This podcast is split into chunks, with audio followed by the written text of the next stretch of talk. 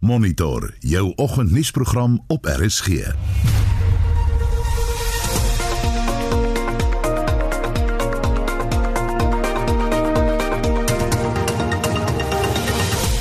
die program vanoggend die DA wil burgerlike toesig oor gemeenskapsveiligheid in Gauteng versterk. Minder as 1 uit elke 20 plaasaanvalle in Gauteng gedurende die afgelope 8 maande het tot 'n arrestasie gelei. En dit is duidelik dat die polisie nie in staat is of nie bereid is om landelike veiligheidsplanne in die provinsie te implementeer nie. En het voedselpryse buitensporig en op 'n onetiese wyse gestyg. 'n Navorsingsinstansie in Pietermaritzburg dink so daar is twee dinge wat ons moet doen. Eerstens is ons moet probeer om die voedselinflasie laag te hou. En die tweede is ons moet besorg dat daar meer inkomste in families se huise inkom. Hartlike goeiemôre. My naam is Hendrik Weingast. En ek is Gustaf Vreiling. Welkom by Monitor. nou so 12 minute oor 6 en jy's ingeskakel hier by Monitor op RSG. Ons kyk na 'n oorsig van die koerant voorblaaie en van die nuus dan nou van eh, Dinsdag die 9de Februarie.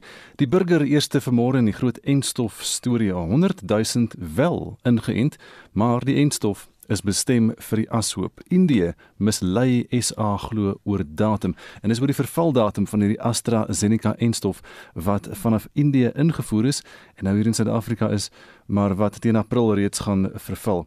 Professor Shabir Madi, wat die Suid-Afrikaanse navorsing oor hierdie enstof gelei het, meen dit het steeds 'n groot rol om te speel in die stryd teen COVID-19 in Afrika en die wêreld en 100 000 mense gaan nog steeds ingeënt word om vas te stel watter uitwerking dit op hospitalisering en sterftes het. Maar Dr. Angelique Kutsie sê dit gaan op die ashoop beland. Daar gaan nie veel van kom nie. Dan 'n foto van 'n leeukop uh, op die voorblad van die burger vanmôre oorvol leeukop lei tot man se dood. Hy val 100 meter ver en die storie is binne in die koerant vandag. Leeukop kan deesdae op 'n sonnige of selfs 'n mistige dag baie baie besig wees. Ook 'n berig man vas nadat motor in winkel vasploeg. Is groot skade wat aangerig is daar in Nysna by die Shell volstasie in Sedgefield naby Nysna. Uh toe die motor daar binne in die Shell ingery het en die besonderhede is daar uh, in die berig vandag dan Bobbejaan wat pad vat weer tuis nog 'n berig die Bobbejaan mannetjie wat in Tokai gevang en met sy trop herenig is uh, hy die uh, Tokai gebied in Kaapstad verken nadat hy die besige M3 oorgesteek het en hy's gevang toe nou en hy's veilig terug daar by sy trop besorg Die voorblad van beeld vandag het ook die storie oor die enstof natuurlik en dan 'n foto. Regter stuur streng boodskap uit. Die veroordeelde moordenaar Donovan McInnes hy's 33 en hy's nou gister daar in die Hooggeregshof in Pretoria tronkstraf van 20 jaar opgelê nadat hy skuld beken het op aanklag van die moord op Adele Besuidenhout in Augustus 2018 en die regter het gesê die vonnis moet 'n streng boodskap uitstuur oor mense wat hulle intieme maats mishandel Ook 'n berig held vind na 33 jaar gesin wat hy red. Dit was byna soos 'n herontmoeting tussen ou vriende toe 'n man uiteindelik die mense ontmoet het wat hy 33 jaar gelede gehelp red het van verdrinking en al die besonderhede is daar in hierdie berig en ook die ou koerant uitknipsel daar uit 1988 toe dit alles gebeur het. Volksblad se digitale voorblad vandag Bloemfontein rekenmeester se appel teen tronkstraf misluk. Die appel teen die vonnis van 4 jaar direkte tronkstraf van 'n omstrede rekenmeester en sakeman van Bloemfontein wat 'n 950 000 rand uh, van 'n weduwee se erfposie gestuur het is het in die Hooggeregshof daar misluk. Hierdie dade wys daar's geen berou van sy kant oor wat hy aan die klaar gedoen het nie, sê die regter in die saak daar. En ook 'n foto drama toe brandweer 6 by Maselspoort red. Ses verligte Bloemfonteiners is weer aan wal nadat hulle deur die brandweer gered moes word daarvan 'n katrolstelsel. Internasionaal op bbc.com En dit is die storie in Amerika Trump se senaatsverhoor oor sy staat van beskuldiging en uh, sy uh, regsverteenwoordigers het nou hulle stukke voorberei en aan die senaat oorhandig en gesê hy is geensins verantwoordelik uh, vir wat sy ondersteuners gedoen het nie. Hulle het op hulle eie uh, na die Capitol gebou gegaan op hulle plundertog en hy het niks daarmee uit te waai nie. En is dan net so vinnige oorsig oor vanoggend se nuusgebeure. Nou is dit 15 minute oor 6 'n navorsingsinstelling die Pietermaritzburg Economic Justice and Dignity Groep sê in sy jongste bekostigbaarheidsindeks dat basiese voedselpryse buitensporig en soos wat hulle dit stel op 'n onetiese wyse gestyg het. Dit laat ons wonder is daar enige produkte behalwe gemmer en knoffel waaroor ons onlangs op die program gepraat het wat jy dink buitensporig duur geword het en het jy nou opgehou om daai produkte te gebruik? En wat gebruik jy dan in die plek daarvan? Stuur vir ons 'n SMS na 45889. Dit kos jou R1.50 elk of gesels saam op ons Facebookblad by Monitor en Spectrum se blad of jy kan vir ons natuurlik 'n WhatsApp stuur nie langer as 30 sekondes nie as dit vir jou moontlik is na 076 536 6961. Daai nommer is 076 536 6961. 61 en dan sal ons deur die loop van die program soos gebruiklik vir jou terugvoer gee daaroor. Dis nou op pad na 17 minute oor 6 in die DA gaan die Gautengse provinsiale wetgewer versoek om burgerlike toesig oor gemeenskapsveiligheid in die provinsie dringend te versterk. Dit volg na die moord op twee bejaardes op hulle kleinhoewe in Babsfontein die naweek. En ons praat nou vanoggend hieroor met die DA parlementslid Adrian Roos. Hy is ook die hoof van die DA in Gauteng se hof moniteringseenheid Adrian Môre. Uh, Goeiemôre en groete aan die aan die luisteraars. Wat het daar by Babsfontein gebeur? Uh wel twee bejaardes is uh, is buite al huis op 'n klein hoewe aangeval. Um in hulle slaapkamer toegesluit. Um en die huis is uh, aan die brand gesteek. So ons praat van 'n uh, uh, 84 jaar oue vrou en 'n 86 jaar oue man wat slegs deur 'n DNA bewyse geïdentifiseer kon word. Nou, julle het 'n parlementêre vraag gevra oor voorvalle wat in Gauteng tussen Junie en September verlede jaar toe nou plaasgevind het. Wat het daar uitgekom? Wel die kort die kort antwoord is uh, ontkenning. Ehm um, die polisie het vir hierdie tydperk uh, net 4 plaasaanvalle opgeteken. Uh, die DA het 44 plaasaanvalle opgeteken uh, in dieselfde tydperk. Uh, 9 daarvan moorde. Sy hou daarin gedagte dat die polisie se definisie van plaasaanval klein hoewes insluit waar daar enige landbouaktiwiteit is. Uh die ander gekoppelde parlementêre vraag uh, het gewys dat 1407 polisiepatrollie voertuie in Gauteng buite werking is. En 'n uh, staat uh, motorvoertuigkundige bedrogspel. Ehm um, so dit is een voertuig elk uit elke 4. So as ons nou aanneem dat uh, een so omtrent een uit elke 10 uh, redelike wys uh, op enige tydstip buite werking sou wees. Uh so dit 'n ekstra patrollievoertuig uh, per 20 vierkante kilometer oor die hele Gauteng. Uh laat laat wees. So 'n tekort aan middele is nie 'n geldige verskoning nie. Ehm um, en waar is die polisie en daardie voertuie sou se patrolleer? Ehm um, hulle is gestrand by polisiestasies. Julle sê ook dat minder as uh, 120 plaasaanvalle wat aangemeld is dan nou tot 'n arrestasie gelei het. Wat is die implikasie daarvan? Wel, soos ons vandag oral in die in die ANC regering sien, ehm um, word dit is uh, word aangemoedig So stel jy voor dat ons uh, die ekstra uh, patrollievoertuig uh, elke 20 vierkante meter gehad het. Ja, en uh, landelike veiligheidsplan is daar. Uh, maar daar is 'n gebrek aan uh, dringendheid om dit te implementeer. Jy praat ook dan van die uh, gemeenskapsoorsig waar ons nou vanoggend gesels oor die polisie wat plaasmoorde betref. Wat beteken hierdie gemeenskapsoorsig? Wel die die DEA se wetsonderwerp uh, vir toesig oor gemeenskapsveiligheid in Gauteng uh, stel voor dat buurtwagte en uh, gemeenskaps uh, polisieforums beter bemagtig en uh, toegerus word. So die wetsonderwerp uh, sal ook burgerlike toesig oor gemeenskapsveiligheid in Gauteng verhoog.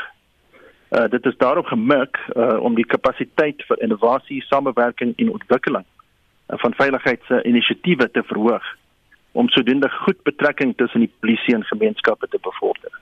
En dink jy dit sal kan help?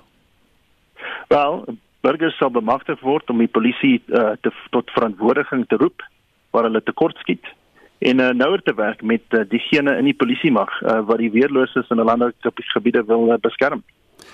Waar dink jy lê die probleem met die polisie se hantering van landelike misdaad en eintlik ook maar enige ander misdaad dan? Wel, die die beweringe oor gebrek aan hulpbronne uh, om om landelike veiligheidspatrollies te bewerkstellig. Uh, en inderdaad alle sigbare gemeenskappe uh, polisering uh, word ernstig ondermyn deur hier 'n uh, uh hierdie motor voertuigkunde bedrogspel. Uh, so dit lei tot 'n gebrek aan uh, sigbare polisieering om oortreders af te skrik, 'n gebrek uh, aan misdaad uh, intelligensie en 'n reaktiewe benadering. So die opleiding van ondersoekers is ook 'n groot probleem. Uh gemeenskappe belê in toes uh jy weet tegnologie uh, om toesig te hoor uh en en hierdie uh, leemte te vul. Uh maar nie net 'n uh, ehm uh, dit net ehm um, meer gegoede gemeenskappe wat dit kan bekostig. Uh so die DEA geleide Wes-Kaap uh, bied programme en uh, infrastruktuur ondersteuning uh, wat beedwagte en organisasies uh, vir gemeenskap uh, polisieering verbind. Uh sodoende kan uh, verdagte aktiwiteite aangemeld word wat help om uh, misdaad intelligensie leemte uh, wat die polisie agterlaat het te vul.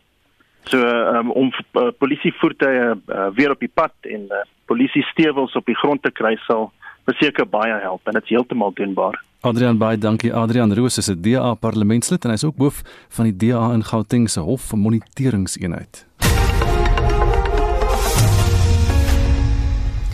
Nou byna 626 mediese wetenskaplikes in Suid-Afrika het reeds vasgestel dat die variant van COVID-19 wat in Desember in die land geïdentifiseer is, meer aansteeklik is as die oorspronklike koronavirus.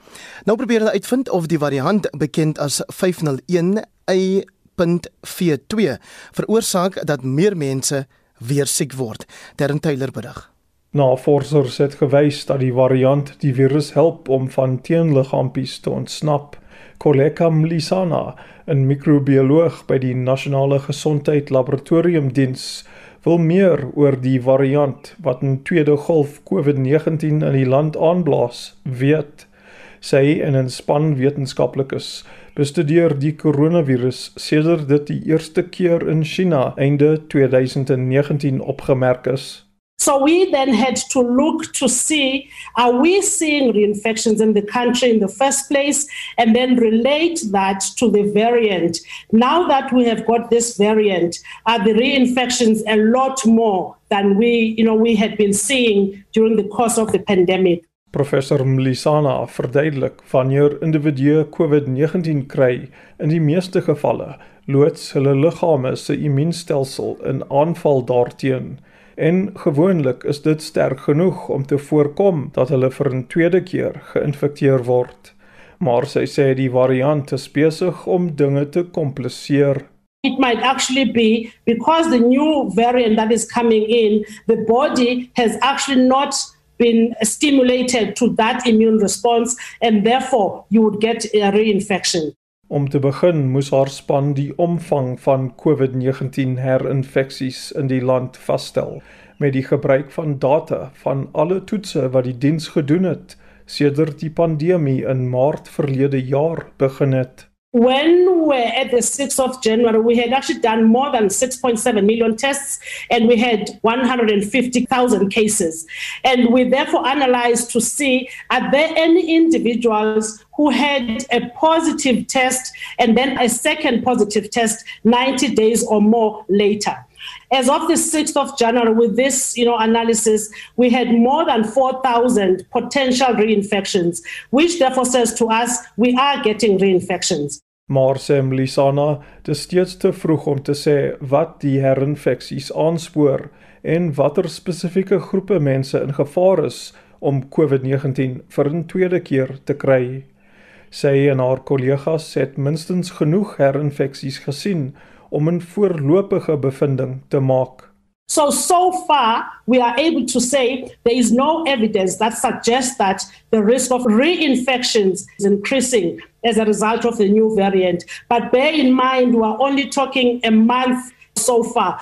We are going to continue to monitor this data and to look to see whether there's any change. If right now, Om die studie vorentoe te neem, gaan Melisana en haar kollegas vir gevalle van herinfeksie isoleer om te probeer vasstel of pasiënte wat COVID-19 vir 'n tweede keer opdoen, meer ernstige simptome ervaar en om te sien of die herinfeksies gekoppel is aan die variant by doing this research, we're going to be able to actually gain more knowledge and we'll be able to interpret this variant and the impact that it has on the reinfections a lot better. Mlisana sê COVID-19 is baie slimmer as wat sy aanvanklik gedink het en dus mag dit wees dat 'n tweede variant wat nog nie geïdentifiseer is nie verantwoordelik is vir nuwe infeksies en selfs herinfeksies in Suid-Afrika. Ek is Darren Taylor in Johannesburg. Jy luister na Monitor elke weekoggend tussen 6 en 8.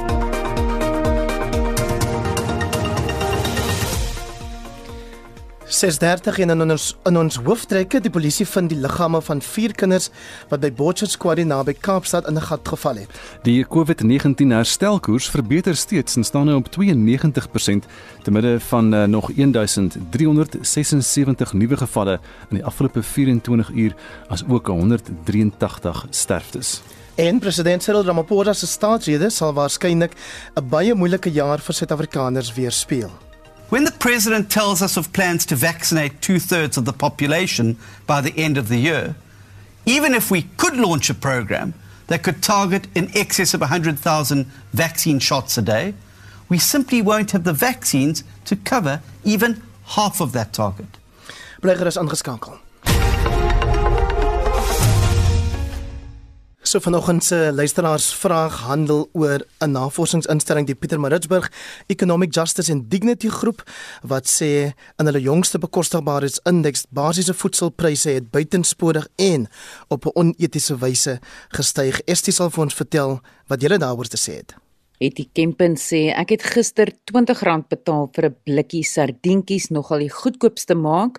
Ons pensionaarsse weet nie meer wat om te eet nie. Groente is buitensporig duur.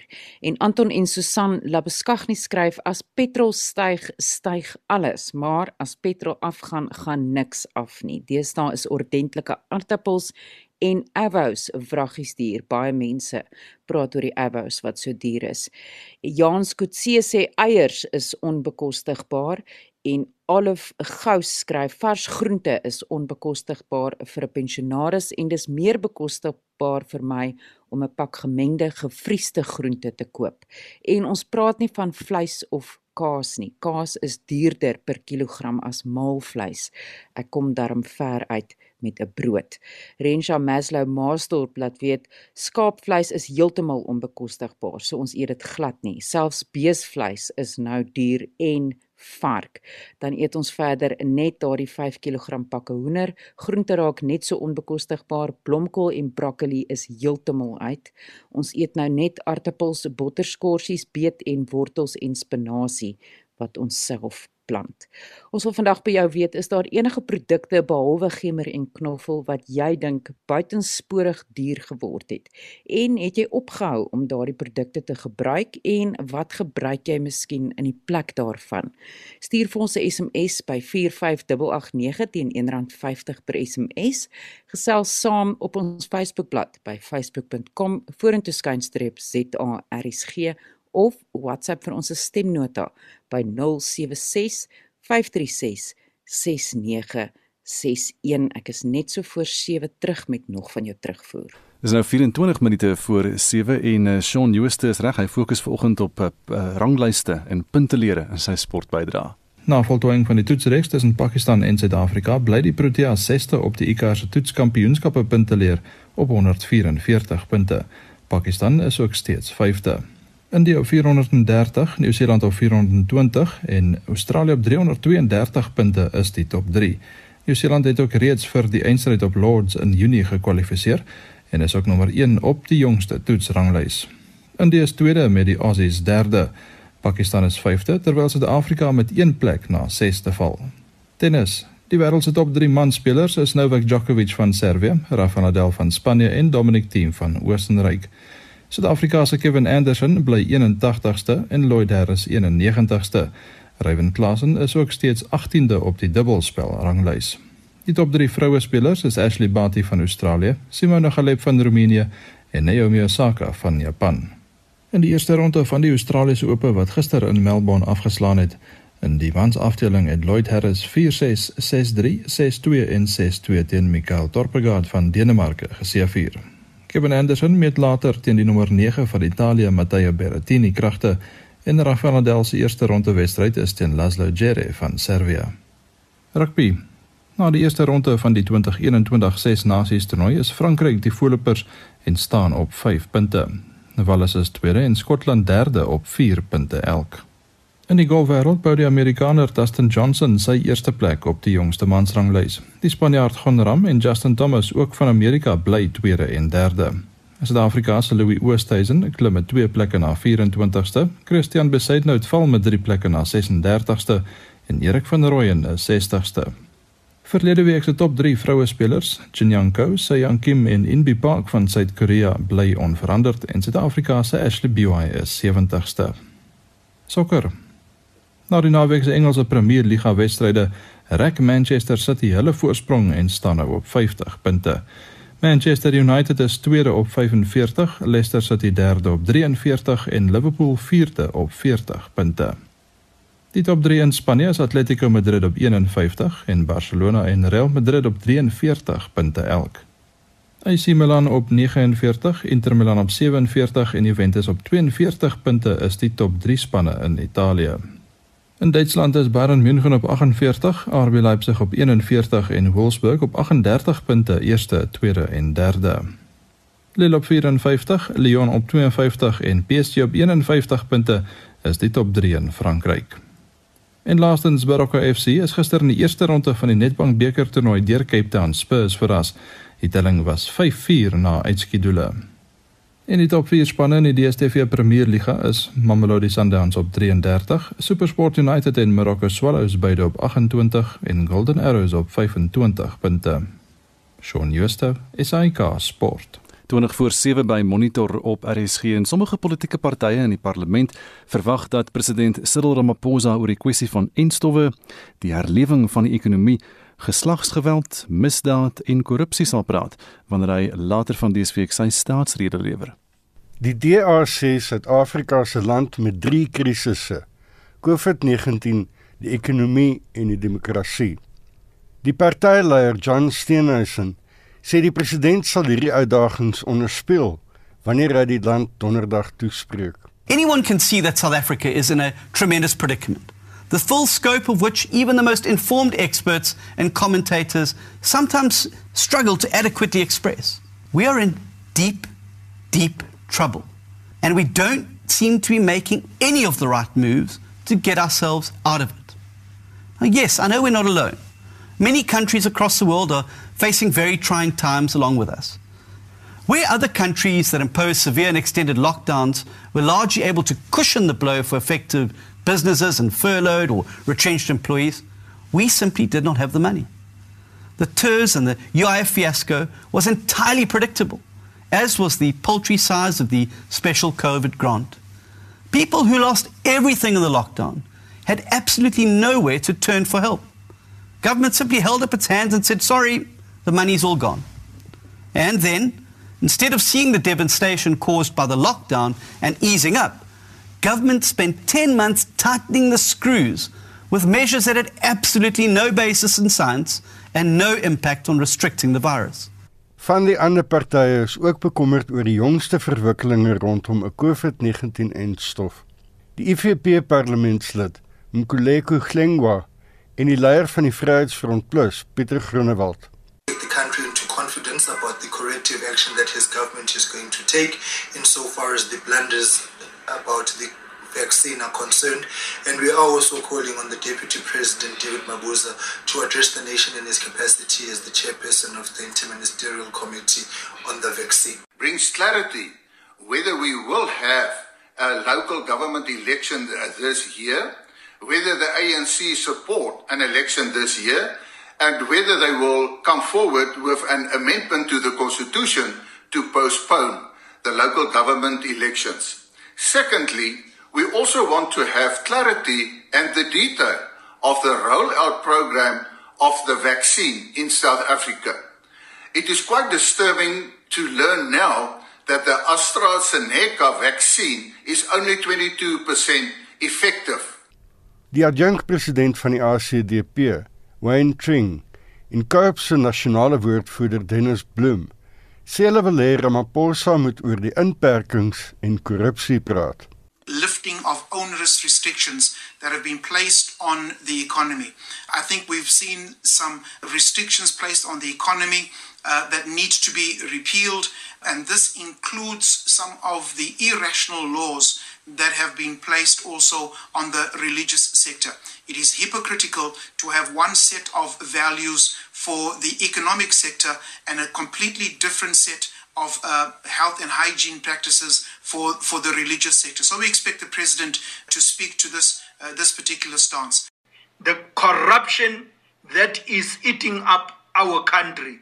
President Cyril Ramaphosa must tell the country how many of these thieves are in prison for stealing taxpayers' money.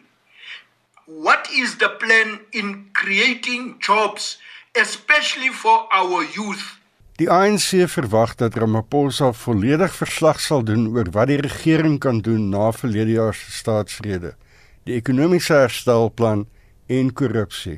I expect the president to come up with a, a clear program on how to end uh, gender based violence and femicide, working in partnership with uh, the citizens of uh, South Africa. But also, how are we going to win the battle against uh, COVID 19? And lastly, the fight against uh, crime and corruption.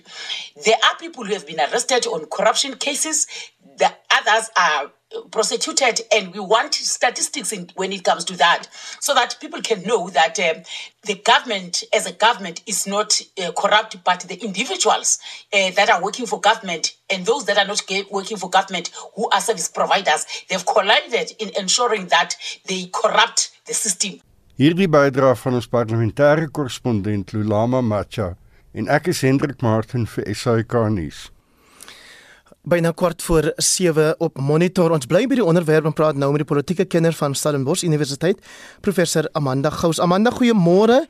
Goeiemôre. Die afgelope jaar was sekerlik een van die moeilikstes vir 'n Suid-Afrikaanse staatshoof. Wat was van daai uitdagings? Wel, die ek dink die uitdaging wat vir alle lande gegeld het is die pandemie en die hantering van die pandemie in 'n staat uh, van inperking. So COVID het dit uh, baie moeilik gemaak vir baie van die ehm um, vooruitsigte wat gestel is vir die 2020 ehm um, staatsrede om geïmplementeer te word. En ek dink nou sit ons met met die die krisis wat deur die pandemie veroorsaak is wat wat grootliks 'n uh, 'n ekonomiese krisis is. Maar ek dink die DA is ook korrek wanneer hulle sê dat daar 'n demokratiese krisis is. Want ons weet die president ehm um, gaan kies vir eenheid in die ANC eerder as om uh, die persoon te wees wat daardie eenheid ehm um, verder gaan uh, uh, in die in die dae laat stort. So dit is ek dink die die die die drie groot probleme op die oomblik is die is die pandemie en alles wat daarmee gepaard gaan eh, in terme van die instof wat uitgerol moet word die gebrek aan aan werk en hoe werkskepping gaan plaasvind en dan ook ehm um, basis die hele kwessie van korrupsie rondom eh uh, die die pandemie maar ook as ons byvoorbeeld kyk die eh uh, wat Ysmagashule wat wat Zuma se optrede om nie voor die sondekommissie te verskyn nie goedkeur. Ehm um, dan plaas hy die president in 'n baie moeilike uh, situasie want hy moes eintlik homself gedistansieer het van eise optrede, maar hy het nie. So Amanda, kom ons bly vir 'n oomblik by die hantering van die COVID pandemie deur die president. Daar was aan die begin redelike onmiddellike en beslisste optrede met die eerste inperkingsperiode, maar dit lyk my dan na, toe gaan ons 'n bietjie afdraand. Ja, want uh, die die inperkings uh, en die maatreëls wat getref is, uh, het nie altyd uh, gepaard gegaan met met weet wetenskaplike bevindinge nie. Ehm um, en dit was in baie opsigte beskou as irrasioneel want eh uh, party daar kan ons drank koop en ander daar kan ons nie drank koop nie. En dit maak nie sin nie. Ehm um, die hantering van die beskermende eh uh, ehm uh, um, drag ja. Ja ja, die beskermende drag. Jy weet hoe hoe dit hanteer is en die korrupsie daar rondom. So dit is baie moeilik dink ek vir die president uh, as ons kyk na daai eerste deel en waar ons nou is. Dit is veral ehm um, toerisme en die en die hoe toerisme geraak word. En daar die geweldige krisis in die hospitale, die uh, staatsopenbare gesondheid. Ehm um, jy kan nie basies hierdie pandemie hokslaan as jy nie iets doen uh, rondom die baie slegte toestand van baie van die staatshospitale is nie. Maar die die waaroor dit gaan is die feit dat ons nie geld het nie, dat die staat basies bankrot is. En nou moet ons ehm um, weet die president moet nou kom en vir ons sê hoe gaan hy die ekonomie herstel, hoe gaan hy werkskepping bevorder um, en waar basies gaan die geld vandaan kom? En ek weet nie of of daar jy weet veel hoop is dat hy enige iets niets kan sê nie. Ek dink wat hy gaan doen is om weer te praat oor die pandemie en die gevolge van die pandemie en beroep te doen op ons uh, as burgers om ons deel te doen. Ehm um, uh, alles wat ons reeds in die afgelope jaar gehoor het, want die president het baie met ons gepraat in hierdie jaar. En um, hy het nie toe vir ons oplossings gehad nie en ek weet nie of hy nou vir ons oplossings gaan hê nie. Dit is stem van professor Amanda Gous van die Universiteit Stellenbosch, politieke kenner daar. So Amanda sê vir ons of jy dink die president is onkundig of naïef oor hoe diep gesetel korrupsie in ons samelewing is. Ek dink nie hy is naïef nie. Ek dink ook nie hy is onkundig nie. Ek dink sy hande is vasgemaak ehm um, deur die Zuma faksie en ek seker daar is ook ander faksies in die regering. Ehm um, hy kan basies nie besluite neem sonder dat hy die res van die eh uh, kabinet of op die oomblik die command council moet ken daar en nie, en daar is baie mense wat eenvoudig alles wat hy probeer doen teenstaan.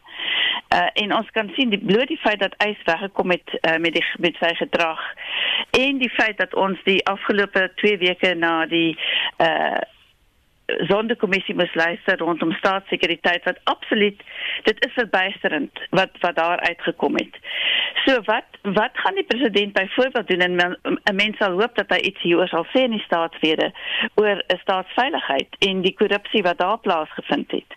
Ehm um, so so uh, hy in in baie opsigte kan hy nie want dan weer eens um, gaan hy teenstand kry van binne sy eie party. So sy hande is gebind en wat dit beteken is dat ehm um, solank as wat dit gaan oor eenheid in die ANC kan daar nie daadwerklik opgetree word in terme van byvoorbeeld die ekonomiese probleme wat ons het nie. Kaderontplooiing is nou weer in die kollig nadat die DA-leier John Steenhuisen daaroor gepraat het die ander dag. Tot watter mate reken jy belemmer dit Ramaphosa se pogings om 'n nuwe begin te maak. Sê net weer wat is Nicole? Kaderontplooiing? Ja, ek dink kader uh, ontplooiing is is 'n baie groot probleem. Want basies wat gebeur is dat korrupte uh, lede van die ANC word net geskuif van een vlak van die regering na die ander. So as jy 'n korrup was in die nasionale regering dan word jy herontplooi na die uh die provinsie of na plaaslike regering. En wat dit beteken is jy die regering kan nie uh korrupsie uitroei nie want hierdie mense word net rondgeskuif en en baie van hulle het hulle eie agendas en ondersteun vir Zuma. So waar hulle dan herontplooi word, bou hulle netwerke vir die Zuma faksie en dit is uh, ek dink 'n baie groot probleem. Die ANC moet regtig hierdie praktyk van hulle te stop. Beteken dit by implikasie dat daar nooit enige bekwame kaders aangestel word nie? Sal nie dit sê nie, maar maar ek dink wat gebeur is, is dat daar kwame kaders het dieselfde probleem as die president. Hulle het nie um, ruimte om te beweeg en om te doen wat gedoen moet word nie, want hulle word die hele tyd ondermyn deur die Zuma faksie. Amanda, laaste vraag, jy sê 'n demokratiese krisis word veroorsaak en jy stem daarmee saam met John Steenhuisen die DA leier en dit word teenoorgestel die die teenoor die eenheidstrewe van die president gestel. Uh, verduidelik net vir die luisteraars presies hoe van daai ehm um, hoe van dit neer neerslag hierdie demokratiese krisis. Wel die demokratiese krisis is dat ehm um, ons is so vasgevang in korrupsie en ek meen ons kan dit sien uit hoe die die korrupsie rondom die COVID um, pandemie plaasgevind het en ons sien nou weer dat daar allerlei vraagstukke rondom uh, die uitrol van die instof is so die die gebrek aan goeie oorsig en die gebrek aan aan aan goeie besluitneming in die regering uh en en 'n um 'n persoon soos Ys Magashule wat direk die grondwet ondermyn, dra alles by tot hierdie demokratiese krisis want dit gaan oor besluitneming, dit gaan oor ehm um, die feit dat die burgers moet kan sien die regering regeer tot die voordeel van ons almal. Maar ons kan dit nie sien nie. Baie baie dankie vir jou insette vanoggend professor Amanda Gous van Universiteit Stellenbosch. So 7 minute voor 7 nou hier by Monitor op RSG en 'n stapper het homself op Leeukop uh, in Kaapstad doodgeval. 'n Reddingshelikopter is nou gebruik om die liggaam op te spoor nadat ander stappers die owerhede gekontak het en gesê het dat hulle die stapper nie kan sien nie. En ons praat nou vanoggend daaroor met Johan Marie, hy is woordvoerder van Wilderness Soek en Redding. Johan, goeiemôre. Goeiemôre, Gustaf. Wat het hier gebeur met hierdie stapper en vertel ons van julle soek en reddingsoperasie? Ehm um, Gustav, ons moet maar net gedagte hou dat die persoon het 'n onnatuurlike dood gesterf en dit is nou die onders die onderwerp van 'n ondersoek, eh, 'n uh, formele ondersoek deur die staat. En daarom is die inligting wat ons mag uitgee en waaroor ons moet uh, spekuleer so as so min as moontlik wees. Maar in kort het hierdie persoon saam met ander mense slaap blyklik in die, in die in die op op op uh, Leeukop uh, in die, in Kaapstad gaan stap. En hy was so rondom 9 uur wat die mense wat saam met hom gestap het gerapporteer het dat hy uh, aan die aan die kampspaai kant van van Leeukop is daar 'n gedeelte waar daar uh, staal en leere teen die rotswand op is waar meteen 'n mens kan opklim. En hulle het gesê by die by die tweede by die tweede leer, dis die identifikasie wat ons gehad het, het die persoon opgeklim en toe hy bo kom. Ehm um, bo op die rots het hy net eenvoudig uh, verdwyn of dan nou geval.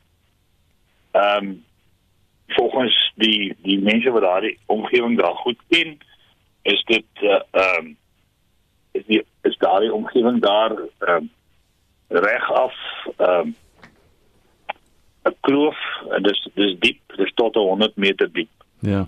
Johan ja, uh, uh, ons moet aanbeweeg ons het, ons het min tyd, maar ek wil vir jou vra, die opskrif op die burger is so voorblad vanoggend sê oorvol leeukop lei tot man se dood. Hoe groot probleem is dit dat hierdie berg regtig besig raak met stappers? Ehm um, en Gustav, ek dink dis op die honderde algemene ding dat die berg, die die strande oral is is vol van mense wat die buitelug opsoek. En dit is ons ervaring oor die naweek gewees, dit is ons ervaring gister selfs gewees. Dit is maar wat gebeur op die oomblik. Daar is baie mense wat die buitelug gaan opsoek. En hoe gereeld het julle sulke gevalle wat jy moet moet uitgaan oor 'n naweek byvoorbeeld? Gustav, ons het tot uh, voor die naweek van tevore het ons 5 of 6 voorvalle gehad. Sondag wat verby is het ons 2 gehad. Ons het gister alweer 'n baie ernstige een gehad in in die Jonkershoekberge so ons bly bly besig Waarna moet stappers oplet wanneer hulle so 'n roete of enige sulke roetes dan nou stap of klim? Ek dink die heel belangrikste ding is dat stappers wat in die berg gaan stap moet op die voetpaadjies bly. Dit is dit bly maar net gevaarlik om uit die voetpaadjie uit te gaan om byvoorbeeld naby, jy weet, te loop na 'n uh, 'n uh, 'n uh, afgrondplek toe en te wil oorloer om te kyk hoe lyk dit onder toe. Dis dis die plekke wat onveilig is omdat klippe breek los en en sulke dinge en dan skielik bevind mense hulle in 'n in 'n totaal on, onbenadigingswaardige posisie. Johan Bey, dankie. Dit was Johan Marie, hy is woordvoerder van Wilderness Soek en Redding.